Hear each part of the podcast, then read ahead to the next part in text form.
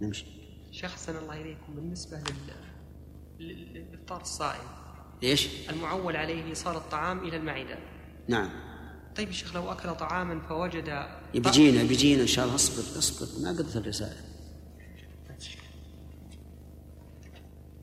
وأمره بالوضوء من مس الذكر. إنما هو استحباب إما مطلقا وإما إذا حرك الشهوة. وكذلك يستحب لمن لمس هذا أيضا من, الأمور التي اختلف فيها الناس اختلافا كثيرا. والأقرب عندي أنه يجب الوضوء إذا كان لشهوة ولا يجب إذا كان لغير شهوة. الفقهاء رحمهم الله يشددون في هذا يقولون ينتقض مس الذكر ولو بلا قصد. وعلى هذا فلو أراد الإنسان أن يستدني سرواله لربطه فمست يده ذكره بغير قصد. لانتقض وضوءه. لكن هذا لا دليل عليه. والصواب أن مس الذكر لا يوجب الوضوء. إلا إذا كان لشهوة. وبهذا يجتمع الحديثان. حديث بسرة وحديث طلق بن علي. لأن طلق بن علي لما لما سئل النبي صلى الله عليه وسلم عن الرجل يمس ذكره أو قال يمس ذكره في الصلاة عليه الوضوء قال لا. ثم قال إنما هو بضعة منك. ومعنى بضعة؟ جزء جزء منك. فكما أنك لو لمست الإذن لمست اليد لمست الفخذ لمست الساق لا ينتقض وضوءك. كذلك إذا لمست الذكر وبضعة حديث بسرة من مس ذكره فليتوضأ. هذا عام. واللام للأمر.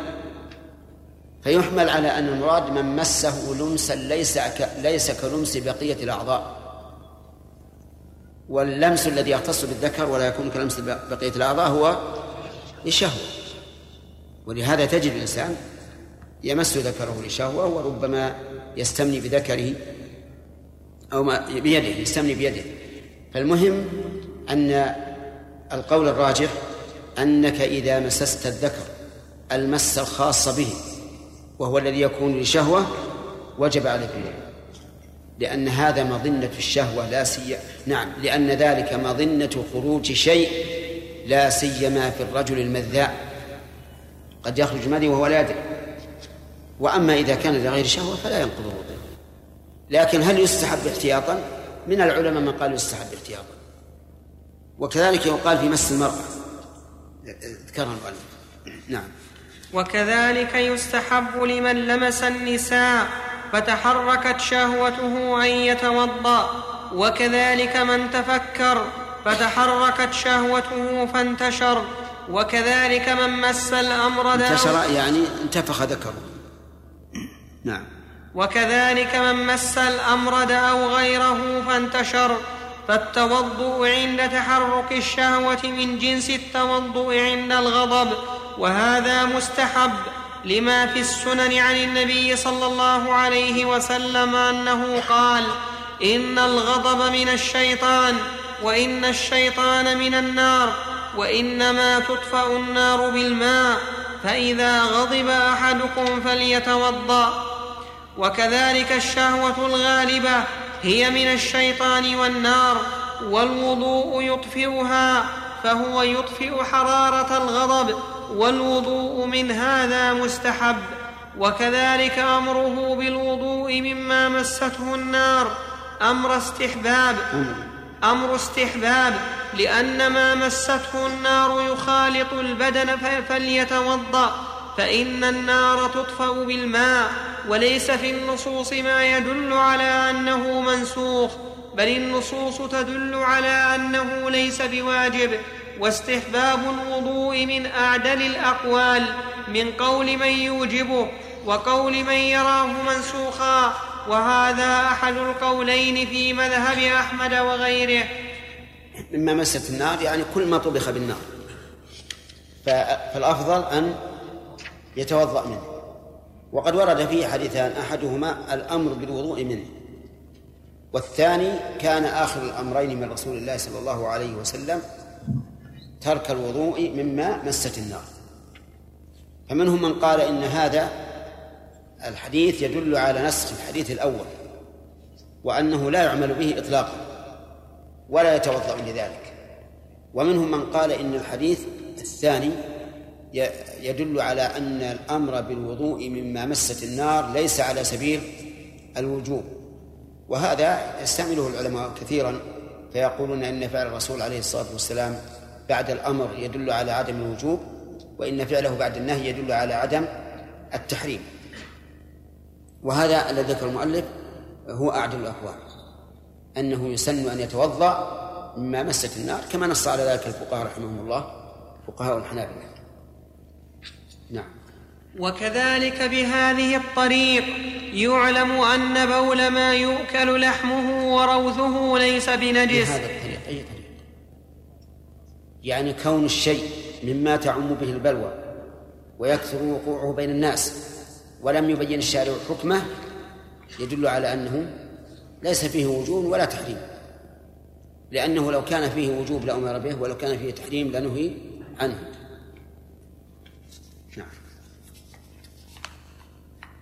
وكذلك بهذه الطريق يعلم أن بول ما يؤكل لحمه وروثه ليس بنجس.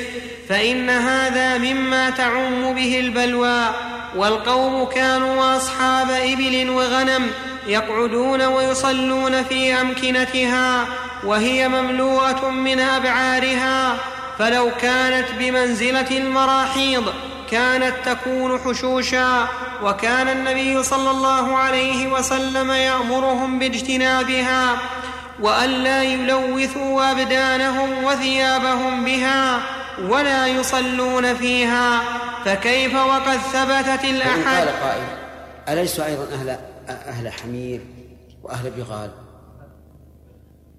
هل نجعل أبوال الحمير والبغال طاهرة؟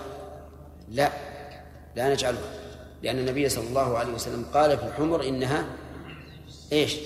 إنها رجس فهي نجسة لكن لم يقل في الإبل والبقر والغنم وما أشبهها إنها رجس بل هي مما يؤكل.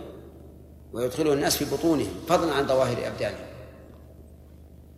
فالحاصل أن هذا الذي عمت به البول في الحمير والبغال إيش؟ عورض بدليل خاص وهو أن الرسول عليه الصلاة والسلام حكم بأنها نجس. نعم. فكيف وقد ثبتت الأحاديث بأن النبي صلى الله عليه وسلم فكيف؟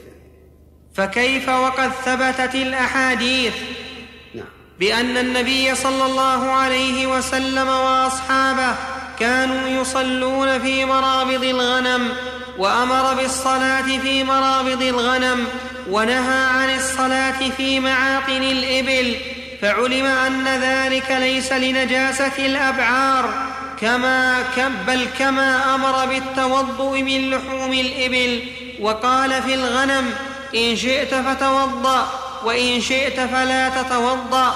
وقال إن الإبل خلقت من جن وإن على, وإن على ذروة كل بعير شيطانا. وقال الفخر والخيلاء في الفدادين أصحاب الإبل والسكينة في أهل الغنم. فلما كانت هذا إذا إذا نفرت البعير أو عشرت ما حد يقدرها أبدا. تكون كالمجنونة وهي لولا أن الله ذللها لنا لولا أن الله ذللها ذللها لنا. هل نستطيع أن نحكم عليها؟ ما نستطيع. لكن الله ذللها لنا حتى أن الصبي يقودها إلى منحرها وتنقاد معه.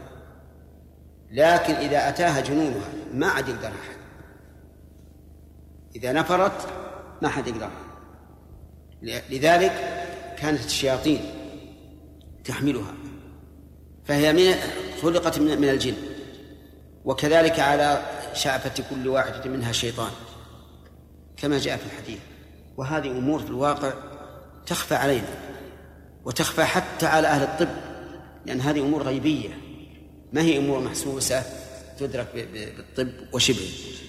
ومن ثم نهي عن الصلاة في أعطانها. لأنها مأوى الشياطين. نعم السمع نعم. لكن معنى عشرة الشيخ إيش؟ عشرة. وش معناه؟ ها هذا التأشير أول ما يقع في في بطنها الولد. من جنس ما يسمونه عندنا في النساء أوحام تنفر يعني إذا عشرت ما هو هذا موضوع البحث؟ ليس هذا موضوع بسطه فلما كانت ال... فلما كانت الإبل فيها من الشيطنة ما لا يحبه الله ورسوله أمر بالتوضؤ من لحم هذا أيضا الفخر والخيانة في الفدادين أصحاب الإبل.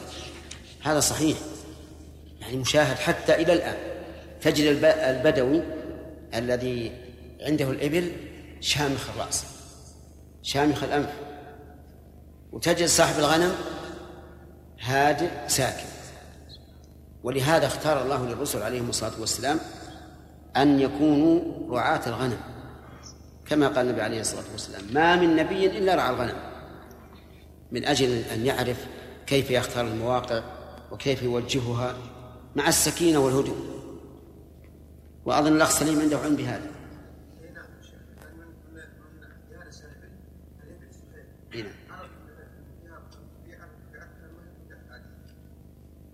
وصاحبها أيضا.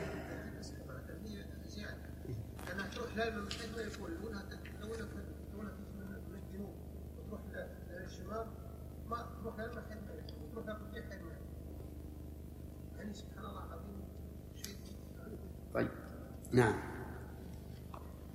فلما كانت الإبل فيها من الشيطنة ما لا يحبه الله ورسوله أمر بالتوضؤ من لحمها. فإن ذلك يطفئ تلك الشيطنة ونهي عن الصلاة في أعطانها لأنها مأوى الشياطين كما نهي عن الصلاة في الحمام لأنها مأوى الشياطين.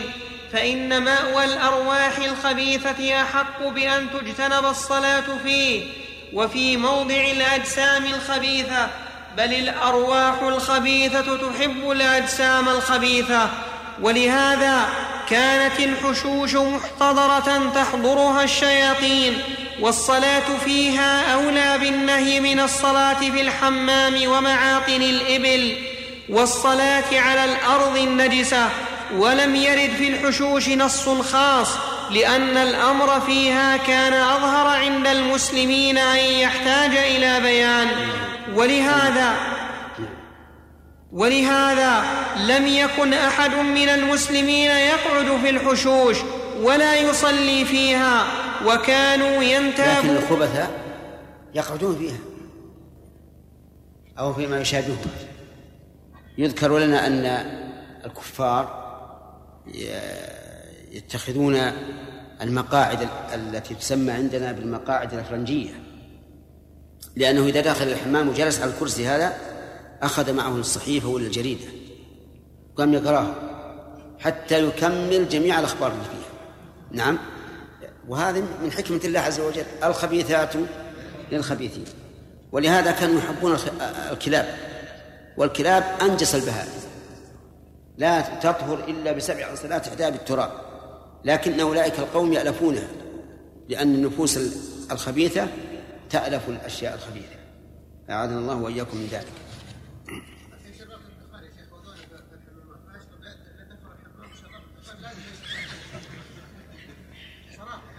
صحيح.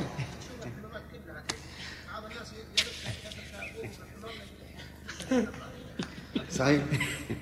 نعم. اللهم أعلم سبحان الله. يعني الحكم الطبيعية توافق الحكم الشرعية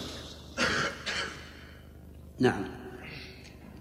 ولهذا ولهذا لم يكن أحد من المسلمين يقعد في الحشوش. ولا يصلي فيها وكانوا ينتابون البرية لقضاء حوائجهم قبل أن تتخذ الكنف في, بيو في قبل أن تتخذ الكنف في بيوتهم وإذا سمعوا هل تعرفون الكنف؟ ها؟ لا الحمام فيه ماء ومغتسلات وغيرها الكنف بس لقضاء الحاجة فقط يعني عبارة عن أحواض مبنية آه، لها سقوف ويقضي الإنسان في حاجته ثم يستنجي في محل آخر. نعم. ما ما ما نبي بحث الآن؟ يلا يمدينا ما بقى إلا إلا ليتين عشان نكمل الرسالة. بسم الله الرحمن الرحيم. الحمد لله رب العالمين. وصلى الله وسلم وبارك على أشرف الأنبياء والمرسلين نبينا محمد وعلى آله وأصحابه أجمعين. أما بعد فقد قال شيخ الإسلام ابن تيمية رحمه الله تعالى في رسالته حقيقة الصيام. وإذا سمعوا نهيه عن الصلاة في الحمام أو اعطان الإبل علموا أن النهي عن الصلاة في الحشوش أولى وأحرى مع أنه قد روى الحديث الذي فيه النهي عن الصلاة في المقبرة والمجزرة.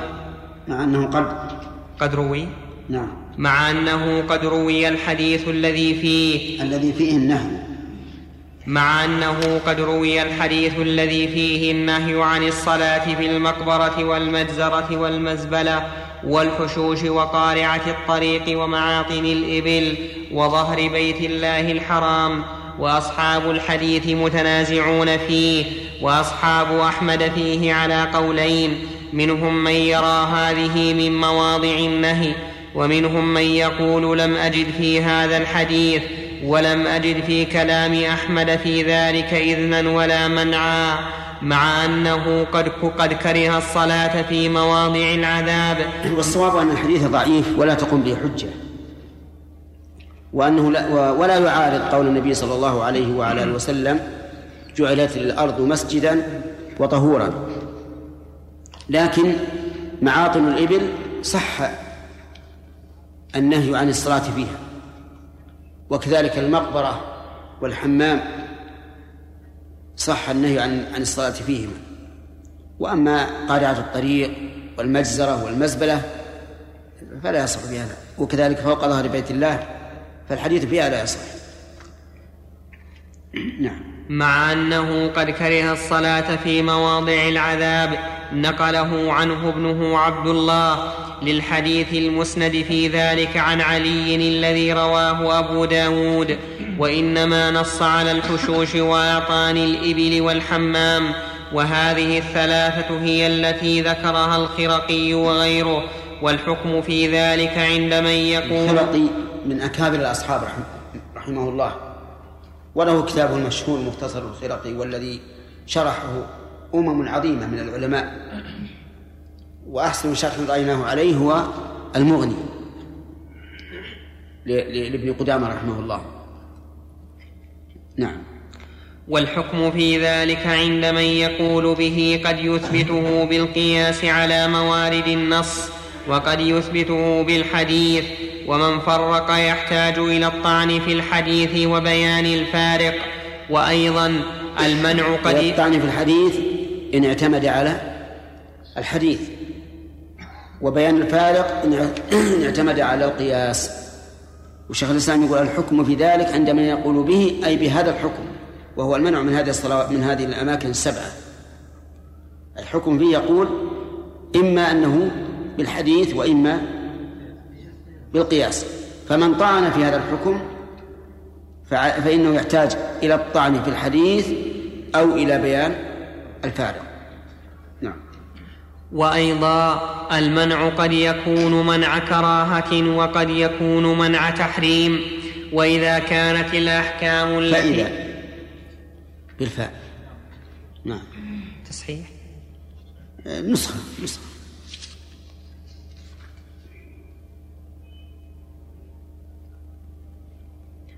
فإذا كانت الأحكام التي تعم بها البلوى لا بد أن يبينها الرسول صلى الله عليه وسلم بيانا عاما ولا بد أن تنقل الأمة ذلك. فمعلوم أن الكحل ونحوه مما تعم به البلوى كما تعم بالدهن والاغتسال والبخور والطيب. فلو كان هذا مما يفطر لبينه النبي صلى الله عليه وسلم كما بين الإفطار بغيره فلما لم يبين ذلك علم أنه من جنس الطيب والبخور والدهن والبخور قد يتصاعد إلى الأنف ويدخل في الدماغ وينعقد أجساما والدهن يشربه البدن ويدخل إلى داخله ويتقوى به الإنسان وكذلك يتقوى بالطيب قوة جيدة فلما لم ينه الصائم عن ذلك دل على جواز تطيبه وتبخيره وادهانه وكذلك اكتحاله. عندنا تطيبه وتبخره. عندك هكذا؟ لا. ها؟ لا تطيبه ياءين ياءين نعم. إيه، عندنا ياء واحدة. وهو الأظهر لأن قول تطيبه وتطيبه فعل غيره به. تبخير فعل غيره غيره به. على كل حال تكتب نسخة وهي أقرب للصحة. تطيبه. لأن قول تطيبه وتبخره والدهانه نعم. إيش؟ أي نعم. الدهان صحيح. نعم. وقد كان المسلمون في عهده صلى الله عليه وسلم يجرح أحدهم إما في الجهاد وإما في غيره مأمومة وجائفة. فلو كان هذا يفطر لبين لهم ذلك. فلما لم ينه الصائم عن ذلك علم أنه لم يجعله مفطرا. الوجه الثالث إثبات التفطير بالقياس يحتاج إلى أن يكون القياس صحيحا وذلك إما قياس علة بإثبات الجامع وإما بإلغاء الفارق. عندنا غلط. إما قياس علة بإثبات الجامع. صح. أنا عندي إما قياس على باب.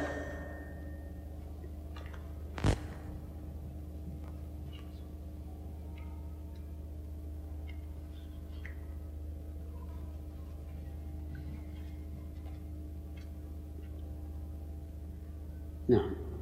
وذلك إما قياس علة بإثبات الجامع وإما بإلغاء الفارق فإما أن يدل دليل على العلة في الأصل فيعدى بها إلى الفرع وإما فيعدى صح.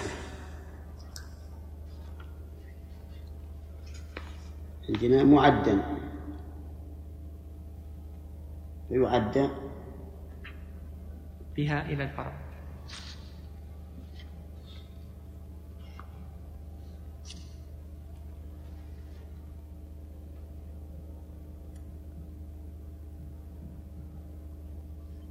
نعم. فإما أن يدل دليل على العلة في الأصل فيعدى بها إلى الفرع وإما أن يعلم أن لا فارق بينهما من الأوصاف المعتبرة في الشرع وهذا القياس هنا منتف. هنا. وهذا القياس هنا منتف وذلك أنه ليس في الأدلة ما يقتضي.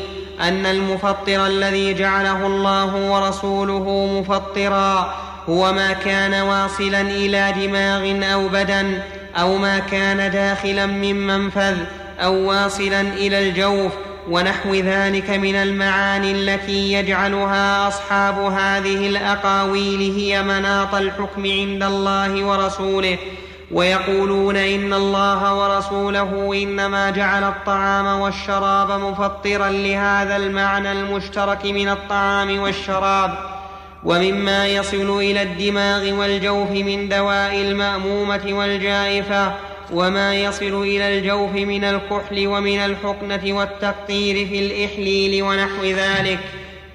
وإذا لم يكن على تعليق الله ورسوله للحكم بهذا الوصف دليل كان قول القائل إن الله ورسوله إنما جعل هذا مفطرا لهذا قولا بلا علم وكان قوله إن الله حرم على الصائم أن يفعل هذا قولا بأن هذا حلال وهذا حرام بلا علم.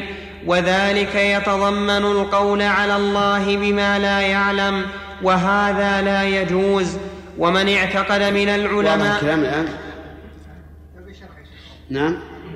طيب.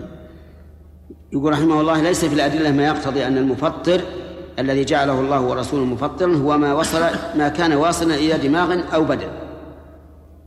خلافا لمن قال إنما وصل إلى الدماغ أو وصل إلى الجوف بأي طريق فهو نعم مفسد للصوم.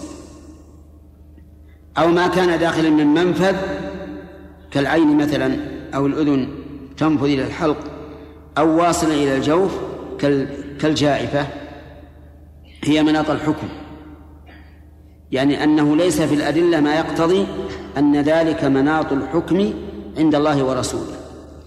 وهم يقولون أيضا إن الله ورسوله إنما جعل الطعام والشراب مفطرا لهذا المعنى المشترك من الطعام والشراب. الذين يقولون هم الذين يفطرون بهذه الأشياء. ومما يصل إلى إلى الدماغ والجوف من دواء المأمومة والجائفة وما يصل إلى الجوف من الكحل ومن الحقن والتقدير في الإحليل ونحو ذلك. هم يقولون بهذا. وهم يتناقضون. لأنهم نصوا على أن الإنسان لو وطئ حنظلة برجله. والحنظلة من أشد النبات مرارة. ثم وجد طعمها في حلقه فإنه لا يفطر. مع أن طعمها وصل إلى الحلق. لكن يقولون إن الرجل ليست منفذا معتادا. فيقال فيقال لهم والعين أيضا. ليست منفذا معتادا ولا اعتاد الناس أن يأكلوا بأعينهم ولا أن يأكلوا بآذانهم. فلا فلا فرق. ثم ذكر قاعدة مهمة قال إذا لم يكن على تعليق الله ورسوله للحكم بهذا الوصف دليل كان قول القائل إن الله ورسوله إنما جعل هذا مفطرا لهذا يعني مثلا يقولون إن الله جعل الطعام والشراب مفطرا لأنه يصل إلى الجوف. من قال لأنه يصل إلى الجوف؟ بل لأنه شهوة يتلذذ به الإنسان ويتغذى به الإنسان. قولا بلا علم وكان قوله إن الله حرم على الصائم أن يفعل هذا قولا بأن هذا حلال وهذا حرام بلا علم. ومعلوم أن الله تعالى قال ولا تقولوا لما تصف ألسنتكم الكذب هذا حلال وهذا حرام لتفتروا على الله الكذب. نعم. إيش؟ إيش؟ يعني مع اللي يعلق عليه. مناط الحكم يعني اللي يعلق عليه. الوصف الذي يعلق عليه الحكم؟ شيخ تنبه شيخ الصوت اين الصوت؟ من العلماء أن هذا المشترك مناط الحكم فهو بمنزلة من اعتقد صحة مذهب صحة مذهب لم يكن صحيحا أو دلالة لفظ على معنى لم يرده الرسول. وهذا اجتهاد يثابون عليه ولا يلزم أن يكون قولا بحجة شرعية يجب على المسلم اتباعها. الوجه شيخ الإسلام من, من أعظم من رأيته انصاف من العلماء. يقول هذا اجتهاد يثابون عليه. بينما لو يحصل خطأ من بعض طلبة العلم في عصرنا هذا مع اجتهاده قالوا هذا ضال. هذا مبتدع. هذا فيه. وجعلوا يغتابون ويسبون. وشيخ الإسلام مع أن مع أن كلامه قوي يقول هذا لا يجوز هذا قول على الله بلا علم هذا حرام. بهذا الأسلوب القوي الشديد يقول إن هذا اجتهاد يثابون عليه. وهكذا يجب على الإنسان أن ينظر إلى غيره كما ينظر إلى نفسه. أليس هو يجتهد ويخطئ ويصيب؟ اذا غيره أيضا يجتهد ويخطئ ويصيب. فكيف تكون من المطففين الذين إذا اكتالوا على الناس يستوفون وإذا كالوهم أو وزنوهم يخسرون؟ الواجب أن تنظر إلى غيرك كما تنظر إلى نفسك. فكما أن غيرك فكما أن غيرك يخطئ بظنك فكذلك أنت تخطئ بظنه والحاصل أن مثل هذا المسلك الذي يسلكه شيخ الإسلام رحمه الله بهذا العدل والإنصاف هو الذي يؤلف القلوب عليه ويوجب أن يؤخذ بقوله وأن يعرف أنه لا يريد إلا الوصول إلى الحق. اللهم اغفر له وارحمه نعم. الوجه الرابع أن القياس إنما يصح ويقول ولا يلزم أن يكون قولا بحجة شرعية يجب على المسلم اتباعه. صحيح. إذا كان لم يبني قوله على حجة شرعية يجب اتباعها فإننا نسأل الله له الرحمة ونقول هو مجتهد ولكنه لم يصل نعم. الوجه الرابع أن القياس إنما يصح إذا لم يدل كلام الشارع على علة الحكم إذا سبرنا أوصاف الأصل فلم يكن فيها ما يصلح للعلة إلا الوصف المعين. وحيث فلم فلم يكن فيها ما يصلح للعلة إلا الوصف المعين. وحيث أثبتنا علة الأصل بالمناسبة أو الدوران أو الشبه المضطرد عند من يقول به فلا بد من الصبر فإذا كان في الأصل وصفان مناسبان لم يجز أن يقول الحكم بهذا دون هذا. ومعلوم أن النص والإجماع أثبت الفطر بالأكل والشرب والجماع والحيض والنبي صلى الله عليه وسلم قد نهى المتوضئ عن المبالغة في الاستنشاق إذا كان صائما وقياسهم على الاستنشاق أقوى حججهم كما تقدم وهو قياس ضعيف وذلك لأن من نشق الماء بمنخريه ينزل الماء إلى حلقه وإلى جوفه فحصل له بذلك ما يحصل للشارب بفمه ويغذي بدنه من ذلك الماء. ويزول العطش ويطبخ ويزول العطش ويزول العطش ويطبخ الطعام في معدته كما يحصل بشرب الماء فلو لم يرد النص الطعام في معدته؟ نعم. لأن الماء إذا نزل لا شك أنه أن الطعام اللي في المعدة يكون رقيقا ولينا. وهذا بمنزلة الطبخ. نعم. فلو لم يرد النص بذلك لعلم بالعقل أن هذا من جنس الشرب فإنهما لا يفترقان لا يفترقان إلا في دخول الماء من الفم وذلك غير معتبر بل دخول الماء إلى الفم وحده لا يفطر فليس هو بإيش؟ بالمضمضة نعم. فليس هو مفطرا ولا جزءا من المفطر لعدم تأثيره بل هو طريق إلى الفطر.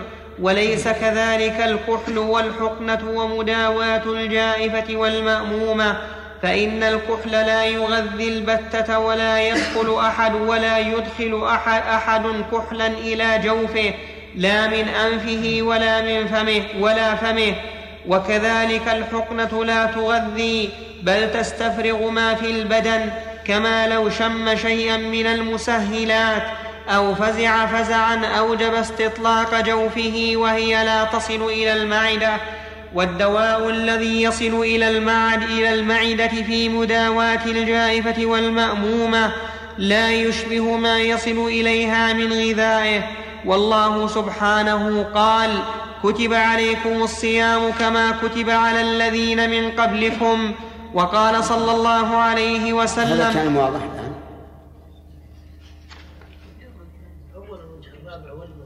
نعم.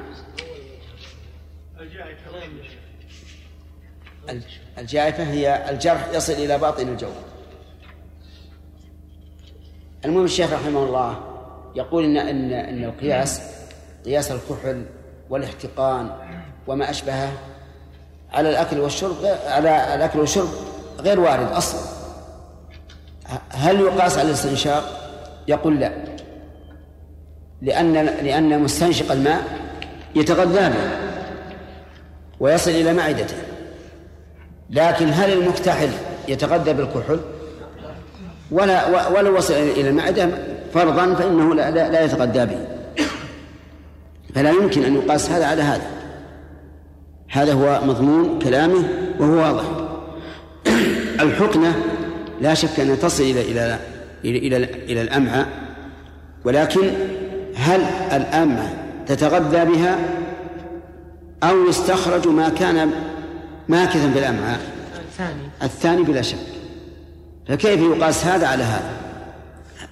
وعندي تعليق للشيخ محمد رشيد رضا رحمه الله. عندكم؟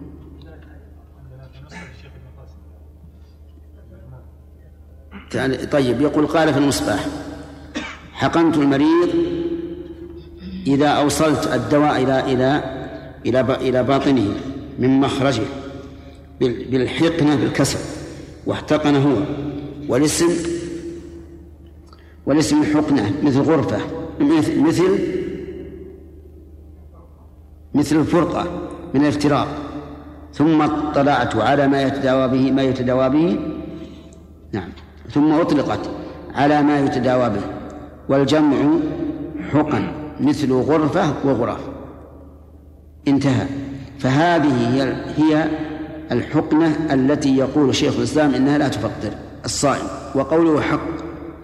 ولكن يوجد في هذا الزمان حقن أخرى أو أخر وهي إيصال بعض المواد المغذية إلى الأمعاء يقصد بها تغذية بعض المرضى. والأمعاء من الجهاز من الجهاز الهضمي كالمعدة وقد وقد تغني عنها فهذا النوع من الحقنة يفطر الصائم فهو لا يباح إلا في المرض المبيح للفطر. نعم. تعليق عندك نفس الشيخ بعض ما قلت إيه. ونقول حق ولكن يوجد في هذا الزمان الفقهاء وهو إيصال بعض إيصال بعض المواد المغذية إلى العم- إلى الامعاء يقصد بها تغذيه تغذية بعض المرضى قد هذه هذه بعض مما قرأت. نعم. إن شاء الله الذهاب له اللي وراه لأنه يحتاج إلى شرح. نعم. وقال صلى الله عليه وسلم الصوم جنة وقال إن الشيطان يجري من ابن آدم مجرى الدم فضيقوا مجاريه بالجوع بالصوم. فالصائم نهي عن الأكل فالصائم نهي عن الأكل والشرب لأن ذلك سبب التقوى فترك الأكل والشرب الذي يولد الدم الكثير الذي يجري فيه الشيطان إنما يتولد من الغذاء لا عن حقنة ولا كحل ولا ما يقطر في الذكر ولا ما يداوى به المأمومة والجائفة وهو متولد عما استنشق من الماء لأن الماء مما يتولد منه الدم فكان المنع منه من تمام الصوم. فإذا كانت هذه المعاني نعم. فإذا كانت هذه المعاني وغيرها موجودة في الأصل الثابت بالنص والإجماع فدعواهم أن الشارع علق الحكم بما ذكروه من الأوصاف معارض بهذه الأوصاف والمعارضة تبطل كل نوع من الأقيسة إن لم يتبين أن الوصف الذي ادعوه هو العلة دون هذا. الوجه العبارة فيها سقط. كل نسخكم هكذا؟ ما ما فيها. لنقول وهو متولد عما يستنشق من الماء.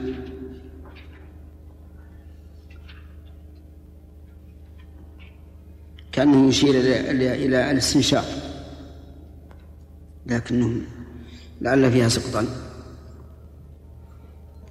نعم. الوجه الخامس أنه فإذا كانت هذه المعاني اقرأ لأني ما سم. فإذا كانت هذه المعاني وغيرها موجودة في الأصل الثابت بالنص والإجماع فدعواهم أن الشارع علق الحكم بما ذكروه من الأوصاف معارض بهذه الأوصاف والمعارضة تبطل كل نوع من الأقيسة إن لم يتبين أن الوصف الذي ادعوه هو العلة دون هذا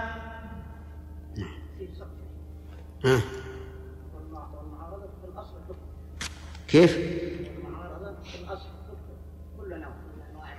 والمعارضة في الأصل؟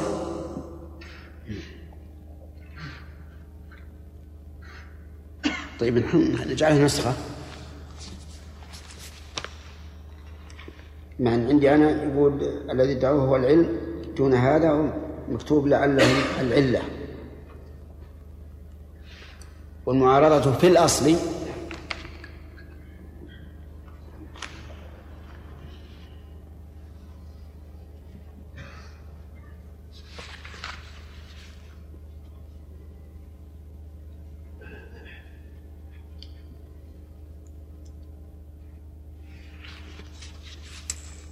نعم. المعارضة في الأصل يعني العلة التي من أجلها ثبت الحكم.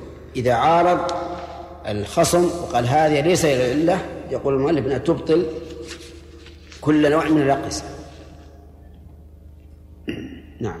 الوجه الخامس أنه قد أنه ثبت بالنص والإجماع منع الصائم من الأكل والشرب والجماع وقد ثبت عن النبي صلى الله عليه وسلم أنه قال إن الشيطان يجري من ابن آدم مجرى الدم ولا ريب أن الدم يتولد من الطعام والشراب وإذا أكل أو شرب اتسعت مجاري الشيطان ولهذا قال فضيقوا مجاريه بالجوع وبعضهم يذكر هذا اللفظ مرفوعا ولهذا قال النبي صلى الله عليه وسلم إذا دخل عندكم ولا عندنا؟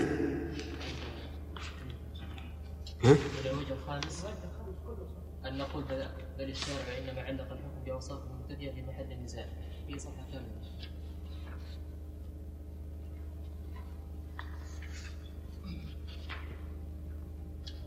عندنا الوجه الخامس أنه ثبت بالنص ما عندكم أبد؟ أن ها؟ أن نقول بل الشارع. أن نقول بل الشارع إنما علق الحكم بالأوصاف وبعدين؟ في محل النزاع. فيدل ذلك على انتفاء علة الحكم في محل النزاع. وهذا مستقل عن انتفاء الحكم في محل النزاع وفساد القياس. فإن الوصف الذي قصد قصده الشارع في الأصل إذا كان منتفيا في الفرق علم أن الشارع لم يثبت لم يثبت الحكم في الفرق. وانتفاء الحكم. غريب. نعم؟ ما أدري. هو منفرد ولا مع الفتاوي؟ حتى الآن يعني. خرج حديث محمد ناصر الدين الألباني نعم. بعد هذه يمكن. على كل حال تابعونا أنتم نشوف ربما يتأي- تأتي تقديم وتأخير يمكن. نعم. وبعضهم يذكر هذا اللفظ مرفوعا. ولهذا قال النبي صلى الله عليه وسلم إذا دخل رمضان فتحت أبواب الجنة وغلقت أبواب النار وصفدت الشياطين فإن مجاري الشياطين الذي هو الدم ضاقت. وإذا ضاقت انبعثت القلوب إلى فعل الخيرات التي بها تفتح أبواب الجنة وإلى ترك المنكرات ال- التي بها تفتح أبواب النار وصفدت الشياطين فضعفت قوتهم وعملهم بتصفيدهم فلم يستطيعوا أن يفعلوا في طيب شهر إحنا عندنا الآن ولا ريب أن الدم يتولد من الطعام والشراب وإذا أكل أو شرب اتسعت مجاري الشياطين. نعم. وبعدين وإذا ضاقت وانبعثت القلوب. وش عندك؟ لا قرأتها أنت. إيه قرأت لكن ما عندي هذا. عندي إذا وإذا أكل أو شرب اتسعت مجاري الشياطين ولهذا قال فضيقوا مجاريه بالجوع. وبعضهم يذكر هذا اللفظ مرفوعا. إذن املح علينا لأنها صارت إن الشيطان يجري من هذا مجرى الدم. هذا صحيح في البخاري. وفي مسلم أيضا. لكن فضيقوا مجاريه بالجوع والعطش لا. ولهذا قيل سيد عندك؟ طيب. نعم ولهذا قيل. ها. أنا ولا هو؟ لا أنت. هو يبي يجي ما يجد كلامه الحين لأنه ذكر وقد رواه بعضهم مرفوعا في نفس الكلام اللي عنده. فضيقوا مجاريه بالجوع. ولهذا قيل فضيقوا مجاريه بالجوع. نعم.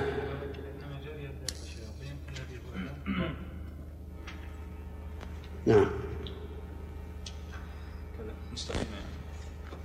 فإن مجال الشياطين التي هي الدم ضاقت لا عندنا الذي هو الدم. لا التي هي. تصحيح. أو أو إن, إن, إن الأصل فإن مجرى الشياطين الذي هو الدم. لكن يعارضه قوله ضاقت فالظاهر أن أصله فإن مجاري الشياطين التي هي الدم. هذا الأصل أي نعم. أحسن. ها؟ كيف؟ التي هي الدم.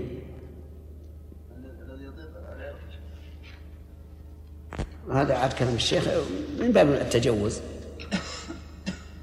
فإن مجاري الشياطين الذي هو الدم ضاقت وإذا ضاقت انبعثت القلوب إلى فعل الخيرات التي بها تفتح أبواب الجنة وإلى ترك المنكرات التي بها تفتح أبواب النار وصفدت الشياطين فضعفت قوتهم وعملهم بتصفيدهم فلم يستطيعوا أن يفعلوا في شهر رمضان ما كانوا يفعلونه في غيره ولم يقل إنهم قتلوا ولا ماتوا بل قال صفدت والمصفد من الشياطين قد يؤذي لكن هذا أقل وأضعف مما يكون في غير رمضان فهو بحسب كمال الصوم ونقصه فمن كان صومه كاملا دفع الشيطان دفعا لا يدفعه دفع الصوم الناقص فهذه المناسبة لا إيش؟ فمن كان صومه كاملا دفع الشيطان دفعا لا يدفعه دفع الصوم الناقص. لا يدفعه الصوم الناقص. الصوم. نشيل دفعه أي نعم.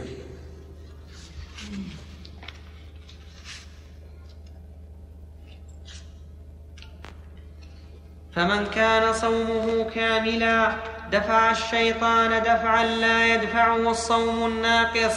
فهذه المناسبة ظاهرة في منع الصائم من الأكل والشرب والحكم ثابت على وفقه وكلام الشارع قد دل على اعتبار هذا الوصف وتأثيره وهذا المنع منتف في الحقنه والكحل وغير ذلك.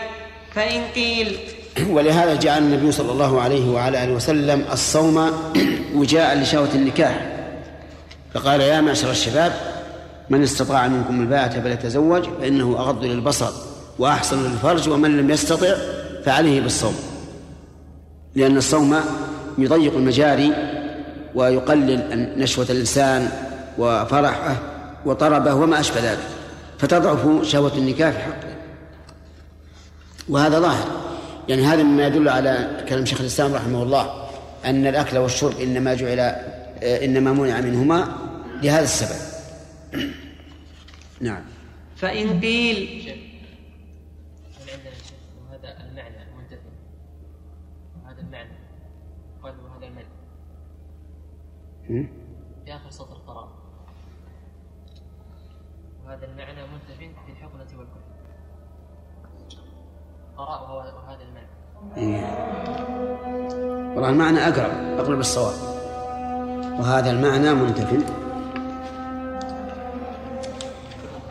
وهذا المعنى منتف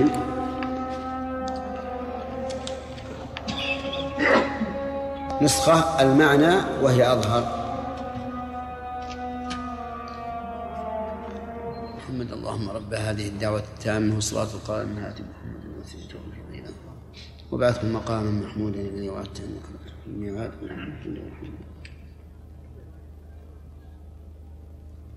نعم. فإن قيل بل الكحل قد ينزل إلى الجوف ويستحيل دما. قيل هذا كما قد يقال في البخار الذي يصعد من الأنف إلى الدماغ فيستحيل دما. وكالدهن الذي يشربه الجسم والممنوع منه إنما هو ما يصل إلى المعدة فيستحيل دما ويتوزع على البدن. ونجعل هذا وجها سادسا. فنقيس الكحل والحقنة ونحو, ونحو ذلك على البخور والدهن ونحو ذلك لجامع ما يشتركان فيه من أن ذلك ليس من ليس مما يتغذى به البدن ويستحيل في المعدة دما وهذا الوصف يعني ليس مما يتخذى به البدن وليس مما يستحيل. نعم. وهذا الوصف هو الذي أوجب الا تكون هذه الأمور مفطرة وهذا موجود في محل النزاع والفرع قد موجود كذا؟ إي نعم. طيب. نعم. والفرع قد يتجاذبه أصلان فيل فيلحق كل في في فيلحق كل من فيلحق كل يلحق.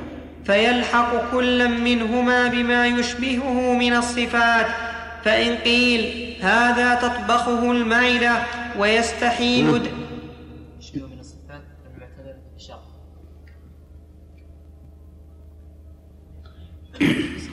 نخليه نسخة؟ زيادة. ها؟ إيه مكتوب تحته. كذا الأصل والصواب سادسا. من الصفات إيش؟ شيخ نعم هذا الأخصان عنده عنده مجموعة من الأسطر ساقطة عندي كيف؟ عنده مجموعة من الأسطر ساقطة عندي من هو؟ أخصامي نسخته وش عنده؟ عنده ثلاثة أسطر أو أربعة مم. ساقطة عندي لعل اللي يملى علينا الأخ ها؟ يملى عليه. إيه لأنه بعد هذا سلم الله يقول فإن قيل فلو أكل ترابا أو حصى أنا ما عندي هذا هي عندك لو كانت ترابا وحصى عندك يا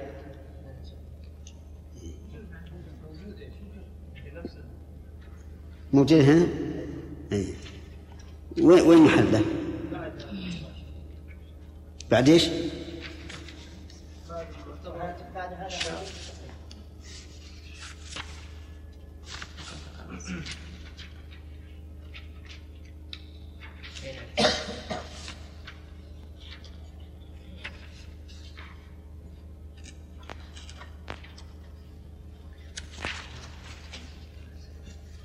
تأتينا فيما بعد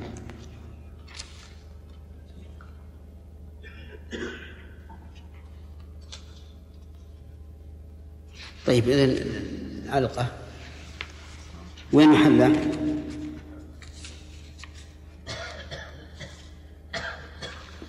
أين محلها؟ هنا أحسن الله إليك هم؟ يقول والفرع قد يتجاذبه أصلان فيلحق كل منهما بما يشبهه من الصفات المعتبرة في الشرع. نعم. وقد ذكرنا الصفة المعتبرة في الشرع. يعني من هنا؟ يعني نكتب هذا؟ أي موجود هذا عندي. لا. عندنا فإن قيل هذا تبغى المعدة فإن قيل هذه تكون قبل فلو أكل ترابا أو حصى. طيب وبعدين؟ أي فإن قيل فلو أكل ترابا أو حصى أو غير ذلك مما لا يغذي غذاء نافعا قيل هذا تطبخه المعدة. نعم. فإن قيل فلو أكل ترابا أو حصى أو غير ذلك مما لا يغذي غذاء نافعا قيل هذا تطبخه المعدة ويستحيل دما ينمي عنه البدن. لكنه لكنه غذاء لكنه غذاء ناقص. فهو كما لو أكل سما أو نحوه مما يضره وهو بمنزلة من أكل أكلا كثيرا أورثه تخمة ومرضا. فكان منعه في الصوم عن هذا أوكد لأنه ممنوع عنه في الإفطار وبقي الصوم أوكد وهذا كمنعه من الزنا. كمنعه من؟ من الصائم. نعم. وهذا كمنعه من الزنا. فإنه إذا منع من الوطء المباح فالمحظور أولى. عندك شيء؟ قال فبقي الصوم أفضل وهنا الصوم أفضل طيب ماشي ماشي. بقي علينا أن نورد إيرادا ثانيا على هذه المسألة. فإن قيل لو أكل لو أكل خرزة أو حديدة أو ما أشبه ذلك مما لا يغذي إطلاقا وليس فيه تغذية فهل يفطر؟ المسألة فيها خلاف. بعض العلماء يقول إنه لا يفطر لأنه لا غذاء في ذلك. بعضهم يقول إنه يفطر وذلك لأنه أكل يعني صدق عليه أنه أكل. والآية عامة. كلوا واشربوا حتى يتبين. فإذا أكل ولو ولو ما لا, ما لا غذاء فيه أصلا فإنه يفطر بذلك. على أنه قد يقال أيضا هذا الذي لا يغذي أصلا لا بد أن أن تمتلئ به المعدة. فيغني عن الجوع. أليس النبي عليه الصلاة والسلام يربط على بطنه الحجر من الجوع؟ لأن المعدة تتلاءم فلا تتسع وتحتاج إلى إلى طعام. فصار فصار هنا نقول إنه لا يرد علينا لسببين. السبب الأول أنه داخل في العموم يسمى أكلا وشربا والسبب الثاني أنه يملأ المعدة فيحصل به تلاؤم المعدة فيمنعه من الجوع.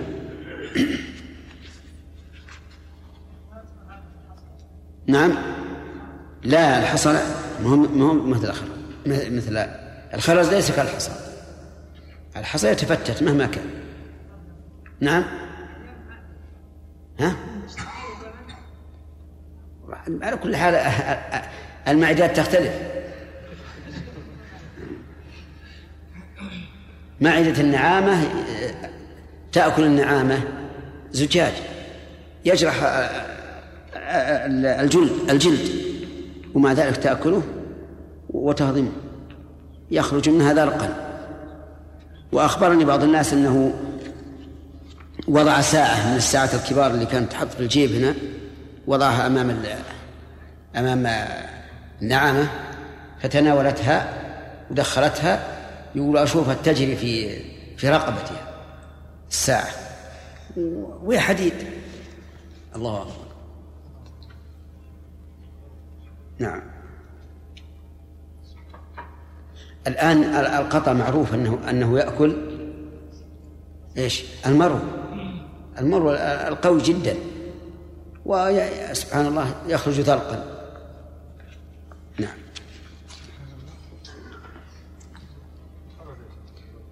محرفة؟ ها؟ إي نعم. ما في شك يفطر. نعم. حكم الجماع فإن قيل ما عندي حكم الجماع؟ هي صحيحة المحقق هو الذي زادها. لا ما يصح نقول حكم الجماع لأن إذا قال حكم الجماع صار آه، بحث مستقل. وهذا فرع على ما سبق. يعني هذا إن كان عندك اشطب عليه. نعم. فإن قيل فالجماع مفطر. وهذه العلة منتفية فيه.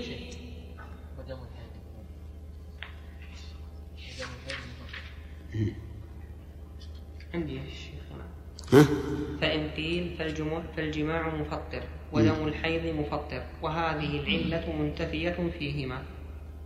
عجيب. إذا إحنا نجعلها فإن قيل فالجماع مفطر وهذه العلة منتفية وكذلك الحيض. ما نطول الكتاب.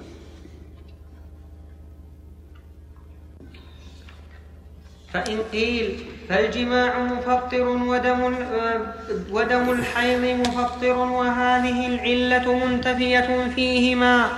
قيل تلك أحكام ثابتة بالنص والإجماع فلا يحتاج إثباتها إلى قياس بل يجوز أن تكون العلل مختلفة فيكون تحريم الطعام والشراب. والفطر بذلك لحكمة وتحريم كذا عندكم؟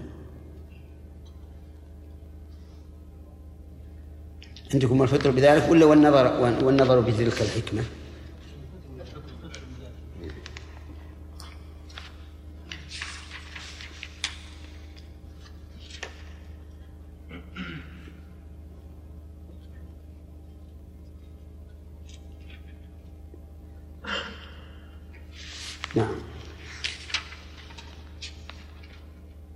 نعم.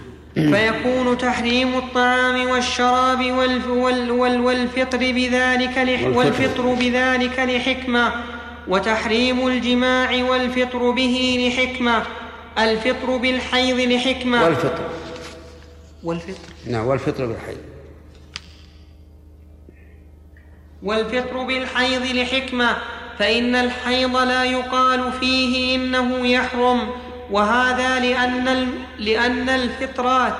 المفطرات. وهذا لأن المفطرات بالنص والإجماع لما انقسمت إلى أمور اختيارية تحرم على العبد كالأكل والجماع وإلى أمور لا اختيار له فيها كدم الحيض. كذلك قسم عللها. تنقسم. تنقسم عللها.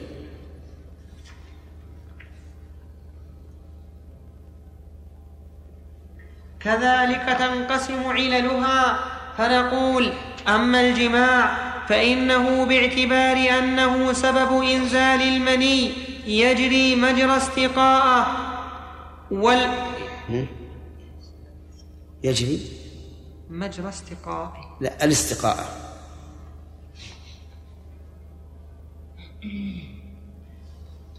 فنقول أما الجماع فإنه باعتبار أنه سبب إنزال المني يجري مجرى الاستقاءه والحيض والاحتجام كما, كما سنبينه إن شاء الله تعالى.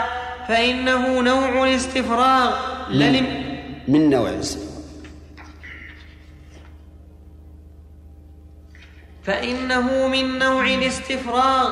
لا الامتلاء كالأكل والشرب. ومن جهة أنه أنه إحدى. وتبين. الشهوتين. يعني الشهوتين. إحدى. الشهوتين.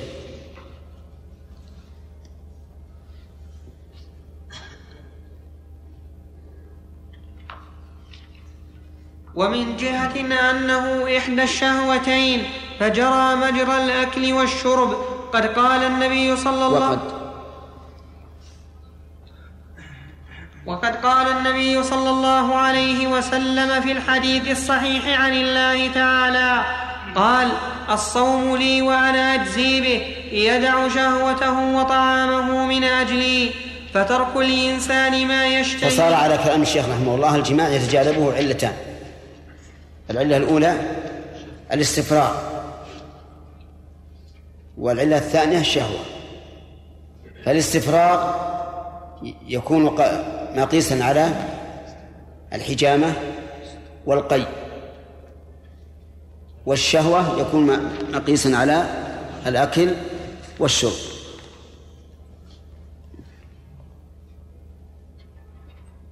نعم. فترك الإنسان ما يشتهي لكن العلة الأخيرة أو- أوضح وأظهر وأعم أنه من أجل الشهوة بدليل أنه قد يحصل جماع بلا بلا إنزال. فتنخرم علة الاستفراغ. نعم.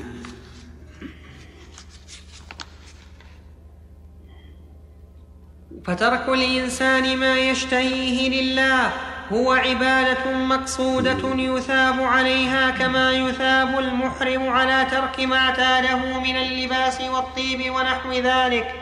ونحو ذلك من نعيم البدن. والجماع من لأن نعيم العبادات حقيقة هي فعل وكف. العبادات فعل وكف لا بد منه وإنما كان كذلك لأن من الناس من يسهل على الفعل دون الكف. ومن الناس من يسهل على الكف دون الفعل. فجمع الله تعالى في العبادات بين الفعل والكف حتى يتبين أن الإنسان عابد لله حقيقة. لا عابد لهواه. إذا ترك الإنسان ما يشتهيه من الجماع وهو صائم هذا عبادة. وإن كان لا- يتغذى بالجماع لكن نقول إن مجرد كونه يترك شهوته لله هو عبادة. نعم. والجماع من أعظم نعيم البدن وسرور النفس وانبساطها. وهو يحرك الشهوة والدم والبدن أكثر من الأكل. سبحان الله كلام الشيخ هنا أن يقرأ يقول الرجل فيه شهوة. ويعرف الشهوة الجنسية. نعم والجماع.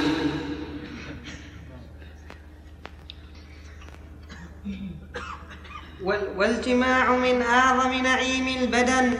وسرور النفس وانبساطها وهو يحرك الشهوة والدم والبدن أكثر من الأكل. فإذا كان الشيطان يجري من ابن آدم مجرى الدم والغذاء يبسط الدم الذي هو مجاريه. فإذا أكل أو شرب انبسطت نفسه إلى الشهوات وضعفت إرادتها ومحبتها للعبادات فهذا المعنى في الجماع. أبلغ. فإنه يبسط إرادة النفس للشهوات ويضعف إرادتها عن العبادات. أعظم ويضعف إرادتها عن العبادات أعظم.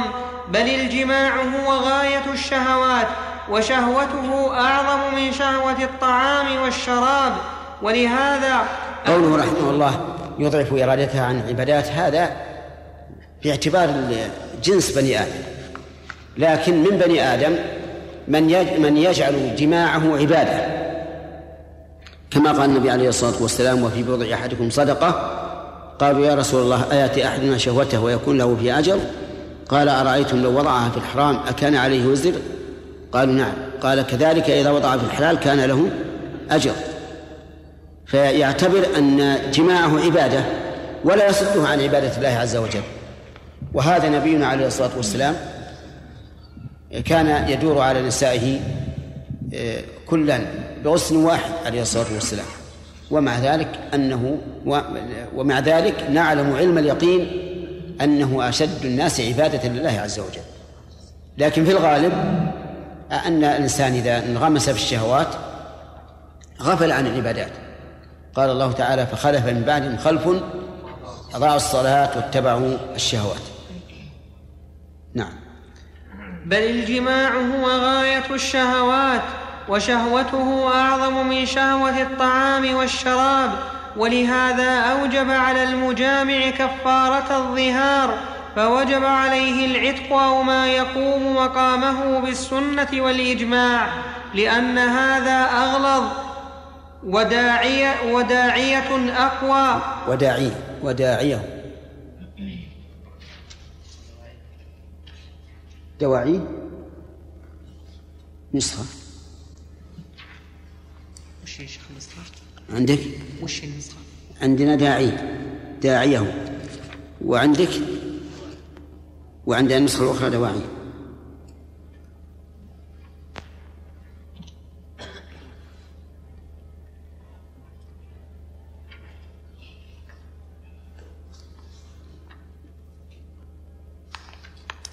لأن هذا أغلظ ودواعيه أقوى والمفسدة به أشد فهذا أعظم الحكمتين في تحريم الجماع. وأما كونه ي... هذا ما أشرنا إليه قبل قليل أن الظاهر أن حكمة كونه شهوة كالطعام والشراب أبلغ وأشمل من من أن يكون الحكمة فيها أنه استفراغ. نعم. وأما كونه يضعف البدن كالاستفراغ فذاك حكمة أخرى فصار فيهما كالأكل والحيض وهو في ذلك أبلغ منهما فكان إفساده الصوم أعظم من فكان إفساده الصوم أعظم من إفساد الأكل والحيض. فنذكر حكمة الحيض وجريان ذلك على وفق القياس. انتهى الوقت. اي نعم حراسة المؤمن.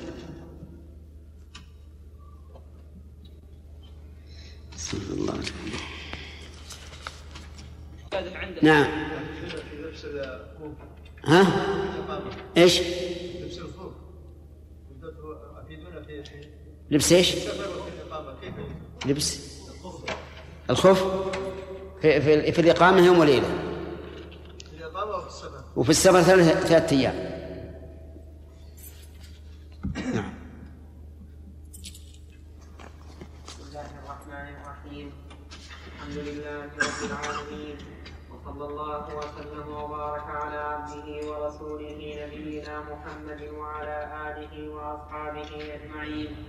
أما بعد فقد قال المصنف رحمه الله فقد قال شيخ الإسلام ابن تيمية رحمه الله تعالى في رسالته المسماة بحقيقة الصيام فنذكر حكمة الحيض وجريان ذلك على وفق القياس فنقول إن الشرع في كل شيء والإسراف في العبادات من الجور الذي نهى عنه الشارع وأمر بالاقتصاد في العبادات ولهذا أمر بتعجيل الفطر وتأخير السحور ونهى عن الوصال وقال أفضل الصيام وأعدل الصيام الشيخ صيام يقول إن الشرع جاء بالعدل.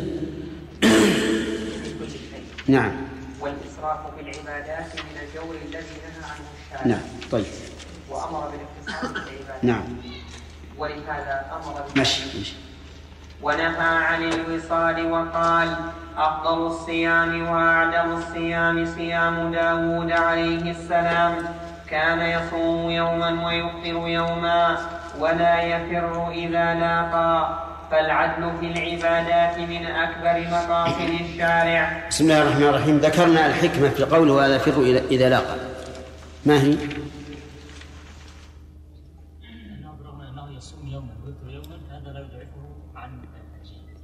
أن كونه يصوم يوما ويفطر يوما لا يضعفه, لا يضعفه عن الصبر عند لقاء العدو. وكان كأن الرسول يشير إلى أنه لو صام الإنسان مواصلا لأضعفه عن الصبر عند ملاقاة العدو نعم. فجعل تحريم ولهذا قال الله تعالى فالعدل فالعدل. سم. فالعدل في العبادات. ما عندي فالعدل في العبادة ولا يفر إذا لاقى بعدها. أي نعم. ولا يفر إذا لاقى فالعدل في العبادات من أكبر مقاصد الشارع. ولهذا قال تعالى يا أيها الذين آمنوا لا تحرموا طيبات ما أحل الله لكم. الآية فجعل تحريم الحلال من, من الاعتداء المخالف للعدل. وقال تعالى فبظلم من الذين هادوا حرمنا عليهم طيبات أحلت لهم وبصدهم عن سبيل الله كثيرا وأخذهم الربا وقد نهوا عنه فلما كانوا ظالمين عوقبوا بأن حرمت عليهم الطيبات بخلاف الأمة الوسط العدل فإنه أحل لهم الطيبات وحرم عليهم الخبائث. وإذا فإذا قال قائل فهذا الآن مفقود في الشريعة الإسلامية بمعنى أن الحلال حلال والحرام حرام. فلو ظلم الإنسان نفسه فهل يمكن أن يعاقب بتحريم الحلال والطيبات؟ قلنا شرعا لا يمكن. وأما قدرا فيمكن. بأن يصاب بفقر أو يصاب بمرض يمنع معه من بعض الأطعمة أو ما أشبه ذلك. فالتحريم الشرعي انتهى وقته لكن التحريم القدري لم ينتهي وقته فربما يحرم الإنسان يحرم الإنسان الرزق من الطيبات بظلم ظلم نفسه. نعم. وإذا كان كذلك فالصائم قد نهي عن أخذ ما يقويه ويغذيه من الطعام والشراب فينهى عن إخراج ما يضعفه ويخرج مادته التي بها يتغذى. وإلا فإذا مكن من هذا ضره وكان متعديا في عبادته لا عادلا والخارجات نوعان نوع يخرج لا يقدر على الاحتراز منه أو على وجه لا يضره فهذا لا يمنع منه كالأخبثين فإن خروجهما لا يضره ولا يمكنه الاحتراز منه أيضا. ولو استدعى خروجهما فإن خروجهما لا يضره بل ينفعه.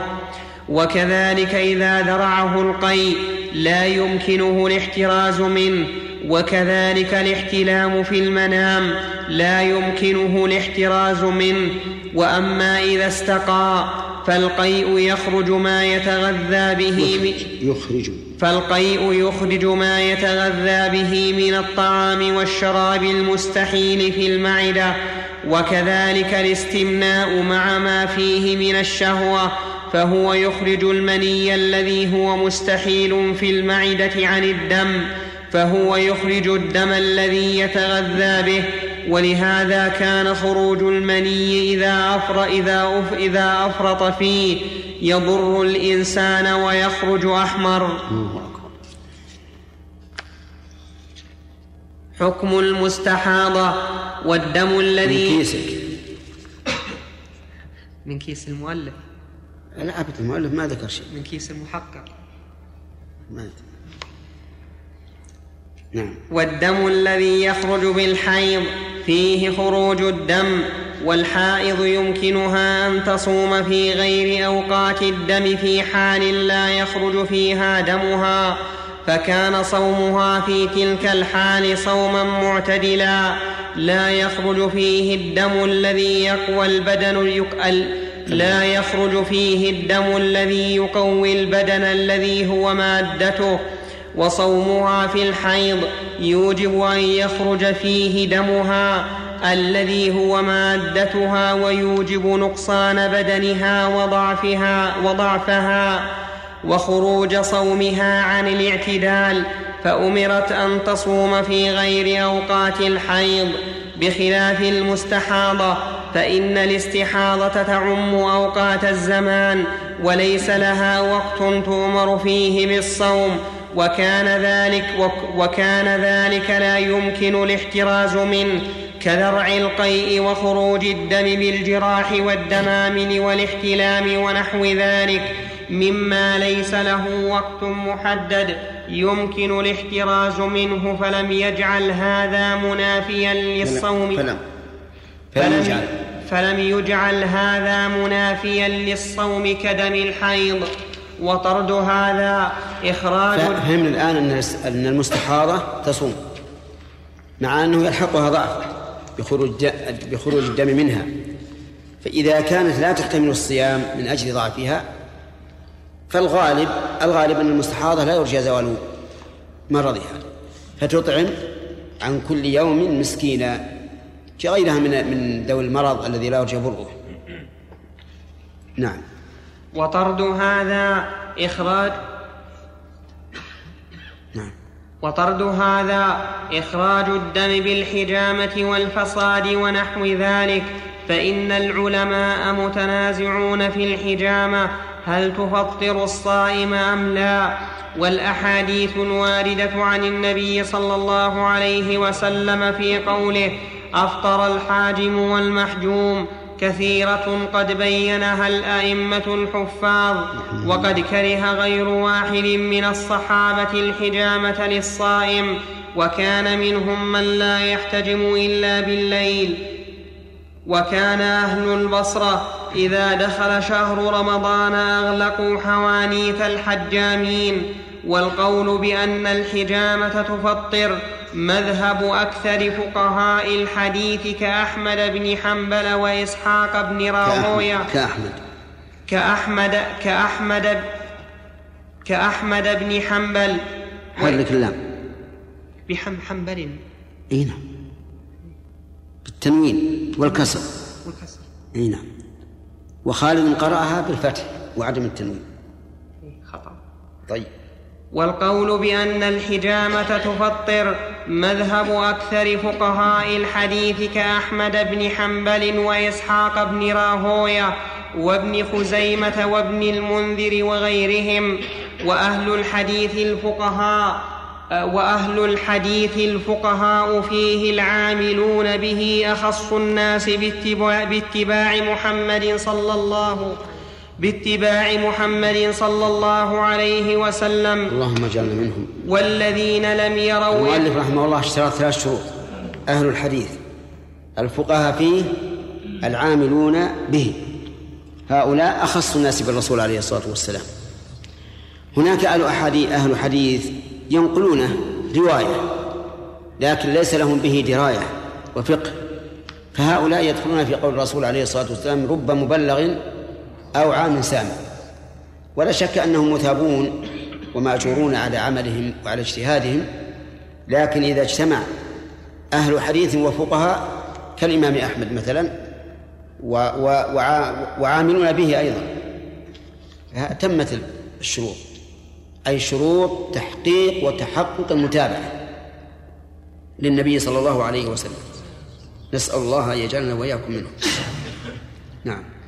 والذين لم يروا إفطار المحجوم احتجوا بما ثبت في الصحيح أن النبي صلى الله عليه وسلم احتجم وهو صائم محرم وأحمد وغيره طعنوا في هذه الزيادة وهي قوله وهو صائم وقالوا الثابت أنه احتجم وهو محرم قال أحمد قال يحيى بن سعيد قال شعبة لم يسمع الحكم حديث مقسم في الحجامة للصائم يعني حديث شعبة عن الحكم عن مقسم عن ابن عباس أن النبي صلى الله عليه وسلم احتجم وهو صائم محرم. قال مهنا سألت أحمد عن حديث حبيب بن الشهيد عن ميمون بن مهران. ميمونة. عن ميمون بن مهران. عن ابن عباس أن النبي صلى الله عليه وسلم احتجم وهو صائم محرم فقال ليس بصحيح وقد أنكره يحيى بن سعيد الأنصاري. قال الأثرم سمعت أبا عبد الله رد هذا الحديث فضعفه وقال كانت كتب الأنصاري ذهبت في أيام المنتصر فكان بعد يحدث من كتب فكان بعد يحدث من كتب غلامه وكان هذا من تلك. وقال مهنا سألت أحمد عن حديث قبيصة عن سفيان عن حماد عن سعيد بن جبير عن ابن عباس إلى آخره فقال هو خطأ من قبل من قبل قبيصة. وسألت يحيى عن قبيصة فقال رجل فقال رجل صدق. فقال رجل صدق والحديث الذي يحدث به عن سفيان عن سعيد خطأ من قبله. قال مهنا سألت أحمد عن حديث ابن عباس أن النبي صلى الله عليه وسلم احتجم وهو محرم صائم فقال ليس فيه صائم إنما هو محرم. ذكره سفيان عن عمرو بن دينار عن طاووس عن ابن عباس احتجم النبي صلى الله عليه وسلم على رأسه وهو محرم وعن طاووس وعطاء مثله عن ابن عباس وعن عبد الرحمن احتجم على راسه وهو محرم. من المعلوم أن الحجامة تحتاج إلى حلق لأنه لا يمكن أن يحتجم الإنسان وعليه شعر ولا سيما مثل شعر النبي صلى الله عليه وعلى آله وسلم إلا بحلق. فقد حلق النبي عليه الصلاة والسلام موضع الحجامة بلا شك. ولم يذكر أنه فدى. ولما احتاج كعب بن عجرة رضي الله عنه إلى حلق رأسه كله أمر بالفدية. فما الفرق؟ وقال الفرق أن الحجامة لا تستوعب كل الرأس وإنما تستوعب جزءا يسيرا منه. فيؤخذ من ذلك أن ما ذكره بعض الفقهاء أن الإنسان إذا أخذ ثلاث شعرات من رأسه وجبت عليه الفدية. وبعضهم يقول إذا أخذ الربع ربع الرأس وجبت عليه الفدية. الربع قد يكون غير معارض لهذا الحديث لكن ثلاث شعرات قطعا معارض لهذا الحديث. ولهذا كان الصحيح في هذه المسألة أنه لا يفدي من حلق شيئا من رأسه إلا إذا إلا إذا أزال منه ما يزول به الأذى أي ما يماط به الأذى. أما الشيء اليسير فإنه يحرم عليه لكن ليس فيه فدية. نعم. ما أدري في السؤال؟ نعم. وعن عبد الرزاق عما يمكن يمكن نخلص يكون يكون مكان إن شاء الله. نعم. وعن عبد الرزاق عن معمر عن ابن خيثم عن سعيد بن جبير عن ابن عباس مثله وهؤلاء أصحاب ابن عباس لا يذكرون صائما. قلت وهذا الذي ذكره الإمام أحمد هو الذي اتفق عليه الشيخان البخاري ومسلم ولهذا أعرض مسلم عن الحديث الذي ذكر حجامة الصائم ولم يثبت إلا حجامة المحرم وتأولوا أحاديث الحجامة بتأويلات ضعيفة. نعم.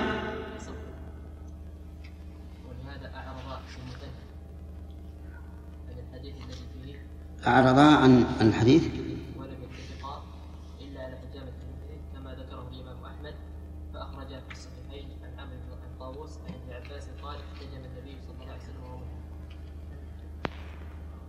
طيب ولا ذكر أنه أعرض عنه مسلم؟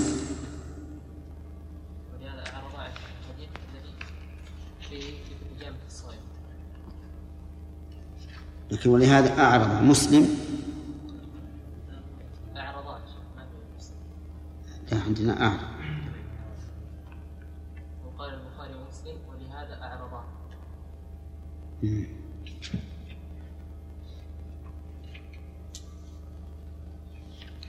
الظاهر البخاري فيه وهو صائم محرم.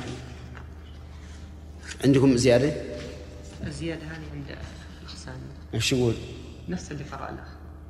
يقول إلى الشيخ فيه نظر لقد أثبت البخاري الصيام أيضا لكن مفصولا عن الإفطار كما تقدم تحقيقه صاد 66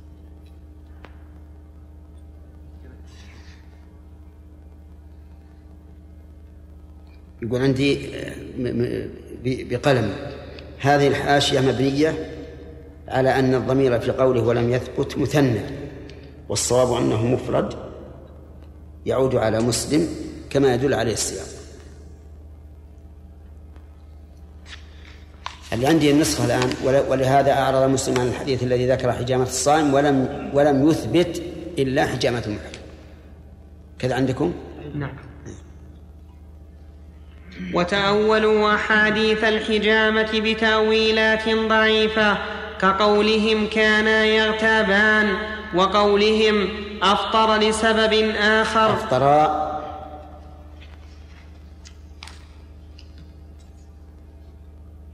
وقولهم أفطرا لسبب آخر وأجود ما قيل. وهذا في الحقيقة من التحريف ال- البالغ. إذا قال مثلا كان يغتابان يعني مر بهما النبي عليه الصلاة والسلام وكان يغتابان فقال أفطر الحاجم والمحجوم. هذا غلط عظيم. لأنه لا يمكن أن يذكر وصفا هو مناط الحكم ثم يلغي الوصف الذي هو مناط الحكم. لأنه لو كان إفطارهما من أجل غيبة لقال أفطر المغتابان ولا يقول أفطر الحاجب المحجوب فكيف يمكن أن نثبت معنى علق عليه الحكم لم يذكر في الحديث ونلغي ما ذكر في الحديث؟ هذا من التحريف الذي فيه الخطأ من وجهين. الوجه الأول إثبات علة لم يذكرها الشارع والثاني نفي علة ذكرها الشارع فهذا غير مستقيم. كذلك أفطر لسبب آخر. كيف السبب الآخر؟ أين السبب الآخر؟ ثم إن الحاجم اسم فاعل. والمحجوم اسم مفعول فهما وصفان مشتقان. فيفي- فيفي- فيفيدان العلية. كما لو قلت أكرم المجتهد يعني لإيش؟ اجتهاد من هذا الذي يدل عليه يدل عليه المشتق.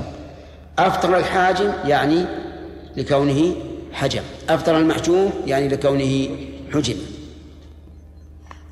المهم على كل حال هذه تأويلات باردة في الواقع. وهذه كما يوجد أيضا في الأحكام الفقهية يوجد أيضا في الأحكام العلمية العقدية. كما فعل أهل التحريف المعطلة الذين قالوا المراد بعين الله كذا المراد بيده كذا المراد بقدمه كذا. فهم جنوا على النصوص من وجهين نفي ما دلت عليه وإثبات ما لم ما لم تدل عليه. ولهذا أنا أكرر عليكم دائما أقول استدلوا قبل أن تحكموا. لأن الشرع هو البينة ولا يمكن أن يحكم الإنسان إلا بوجود البينة. أما أن أن تحكموا أولا ثم تستدلوا فثقوا أنكم سوف تنجرفون. لأن الإنسان لابد أن مع الهواء أن أن يتجانب. فالواجب على إنسان على الإنسان أن يستدل أولا ثم يحكم ثانيا سواء كان ذلك في العقيدة أو في الأحكام الفقهية. نعم. وأجود ما قيل ما ذكره الشافعي وغيره أن هذا منسوخ فإن هذا القول كان في رمضان واحتجامه وهو محرم كان بعد ذلك لأن الإحرام بعد رمضان وهذا أيضا ضعيف بل هو صلوات الله عليه. أحرم سنة ست عام الحديبية بعمرة في ذي القعدة وأحرم من العام القابل بعمرة القضية في ذي القعدة. وأحرم من العام الثالث سنة الفتح من الجعرانة في ذي القعدة بعمرة وأحرم سنة عشر بحجة الوداع في ذي القعدة فاحتجامه صلى الله عليه وسلم وهو محرم صائم لم يبين في أي الإحرامات كان. والذي يقوي أن إحرامه الذي احتج يقوى. سم؟ والذي يقوى.